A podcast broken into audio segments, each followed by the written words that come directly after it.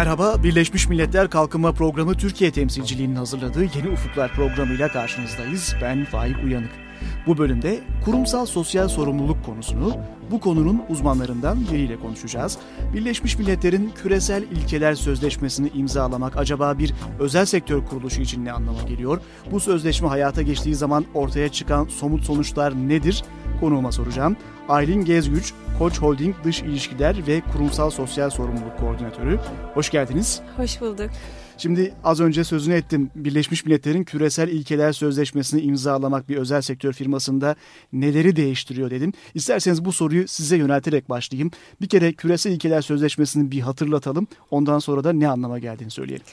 Ee, elbette Küresel İlkeler Sözleşmesi aslında 2000 e, yılında Birleşmiş Milletler'in e, kendi görev e, sahasına bir genişleme girişimi olarak bakabileceğimiz bir çalışma.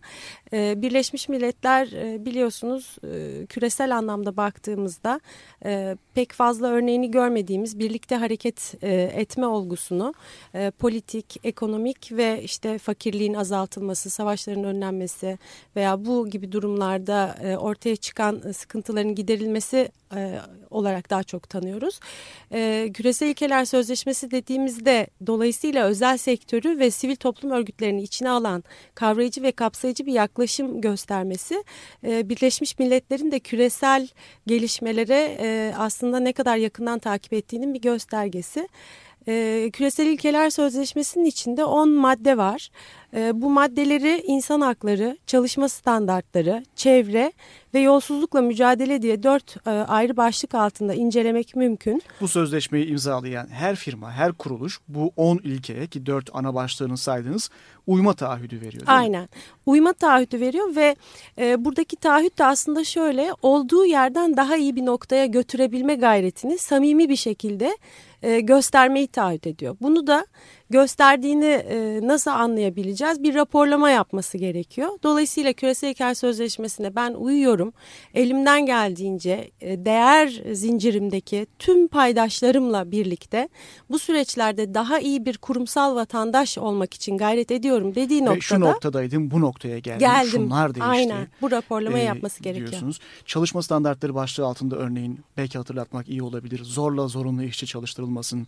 Her türlü çocuk işçi çalıştırılmasına son verilsin, ayrımcılık işe alımlarda olmasın, sendikalaşma, toplu müzakere özgürlüğü desteklensin. Bunların hepsinin özel sektöre e, Birleşmiş Milletler Küresel İlkeleri Sözleşmesi bağlamında yerleştirilmesini hedefleyen tabii ki pek çok diğer e, ilke de var ama evet. hepsini saymak mümkün değil. evet. Bunların e, yerleştirilmesi. İsterseniz e, UNDP ile şimdi UNDP konusunu açalım. Birleşmiş Milletler Kalkınma e, Programı ile kurumsal sosyal sorumluluk bağlamında uzun zamandır birlikte çalıştığınızı tabii ki vurgulamak gerekiyor. Evet. Bu süreçte ne gibi işbirliklerinde bulundunuz ondan bahsedelim. Evet, e, bizim aslında ilk işbirliği e, alanımız e, Küresel İlkeler Sözleşmesi kapsamında oldu. İmza sürecinden geldiğimiz bu noktada raporlama süreçleri olsun, Türkiye'de başka paydaşlara bu e, Küresel İlkeler Sözleşmesi'nin ehemmiyetini aktarmak olsun, yeni imzacı ve taahhütçüler bulmak olsun ve kurumsal bir e, yapı halinde e, Küresel İlkeler Sözleşmesi'nin Türkiye'de bir network'e sahip olmasına imkan vermek olsun. Çeşitli alanlarda biz e, işbirliği yaptık. E, örnek vermek gerekirse en yakın zamanda Küresel İlkeler Sözleşmesi'nin 10. yaş gününde birlikte bir e, konferans düzenledik. E, ve e, Global Compact artı 10 veya evet. Küresel İlkeler Sözleşmesi Sözleşmesi artı 10 konferansı. Evet, konferansı aynen aynen. E, ve her sene bir etkinlikle en az local, e, local network dediğimiz yerel ağın, Türkiye'deki yerel ağın e, işlevselliğine destek vermek üzere de işbirliğimiz devam ediyor. Gerek e, UNDP Mukim temsilcisi olsun, gerek özel sektör program yöneticisi Hansın Doğan olsun, gerekse de e, Global Compact New York ofisinde Deniz Öztürk olsun birlikte çok yakın bir iletişim ve karşılıklı anlayışla işbirliklerimiz faaliyetlerimizi sürdürüyoruz. Peki şimdi bizi dinleyenler şunu söyleyebilir. Bu kadar kavramlardan bahsedildi ama bu benim hayatıma nasıl dokunuyor? Bütün bu yapılanlar. Çok başarılı ödüllü projeler var bu işbirliği kapsamında ortaya çıkmış olan. Biraz bunlardan söz eder misiniz? Tabii elbet. Ee, bizzat ekip olarak yönettiğimiz bu projelerin aslında en büyük amacı taşıdığımız bu felsefeyi, bu e, aldığımız bu yönetsel mirası diyeyim e, bireysel e, noktalara ulaştırabilmek için yönetiyoruz bu projeleri. İki projemiz var e, kamuoyunda yakınen tanınan diye umuyorum. Meslek Lisesi Memleket Meselesi ve Ülkem için projesi. Meslek lisesi mes memleket meselesi ilk çıktığında böyle bir tekerleme gibi aslında ortaya çıktı. evet. Ve e, en azından e, benim ve benim etrafımdaki pek çok insanın haberdar olduğu bir projeydi. Hı hı. Bu e, tabii ki bizimle alakalı olabilir. Bizim bulunduğumuz çevreyle. Biraz ondan bahsedelim. Meslek evet. lisesi memleket meselesi neydi evet. ve nasıl bir işbirliği yapıldı Birleşmiş yapıldı. Milletler'le? E, meslek lisesi memleket meselesi şu anda 5. E, yılında 7 yıllık bir proje olarak yola çıkıldığında e, 8 bin öğrenci 81 ilde işte yüzlerce okulda burs desteği, staj desteği ve istihdamda öncelik e, içeriğiyle başladı.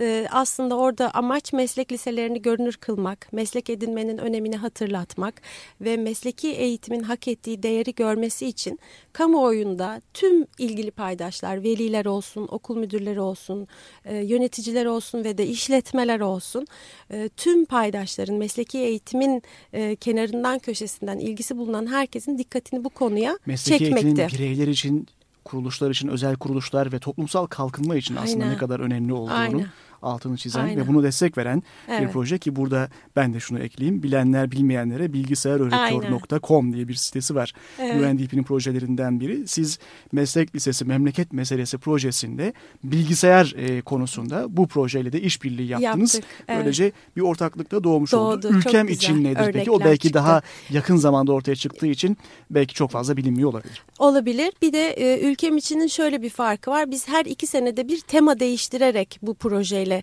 e, yürüyoruz. Ne demek bu? E, her iki senede bir bir ihtiyaç analizi yapıyoruz.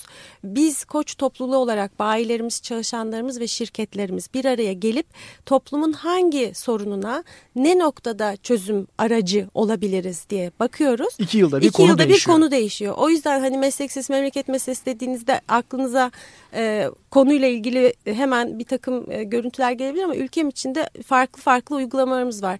E, örneğin e, en son uygulamamız Kızılay'la düzenli e, güvenilir kan bağışçılığı e, konusunda bir kampanya yaptık. E, ve hani çok yakın rakam e, vermek gerekirse 80 bin kişinin e, farkındalığını bizzat sağladık. Bu ne demek? Gerekli eğitimler verilerek ve kendilerinin de bağışçı olarak Kızılay'a kazandırılmasını sağlayarak. Bu sadece kuruluş çalışanlarını ilgilendiren değil aynı zamanda bir bilinç alt artırma Aynen. çabası olarak. Çalışanlar ve bayilerimiz üzerinden onların yakın çevrelere ve toplumda ulaşabildikleri herkes aslında ülkem içinin özü bu. Ee, biz kendimiz üzerinden topluma sorumlu vatandaşlık kültürünü aktarmak Çarpan etkisiyle istiyoruz. belki Kesinlikle. bir bireyin e, çok ulaşamayacağı kadar çok sayıda Aynen. kişiye ulaşmak. Ondan önce de temayla yürüttüğünüz Aynen. bir ağaç dikme kampanyası Aslında orman vardı. oluşturma dememiz lazım. Çünkü e, 7 bölgede 7 orman diye yola çıktık. 700 bin fidan dikmek üzere temayla anlaştık.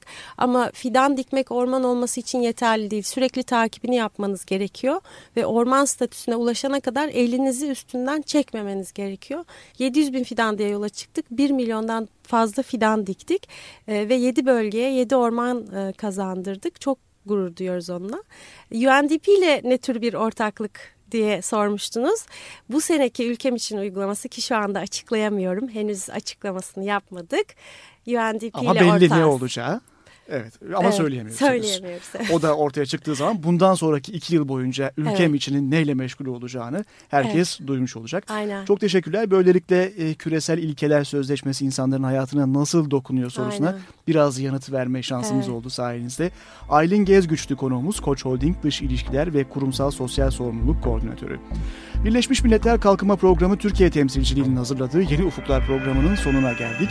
Programı İstanbul'da Açık Radyo stüdyosunda hazırladık. Programa programa Ankara Üniversitesi Radyosu Radyo İLEF de destek verdi. Programımızı FM bandında ve internette Açık Radyo'dan, yayın ağımızdaki üniversite radyolarından, podcast formatında iTunes üzerinden, ayrıca undp.org.tr adresinden ulaşabilirsiniz.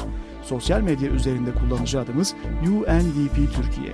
Bir hafta sonra tekrar görüşmek dileğiyle, hoşçakalın.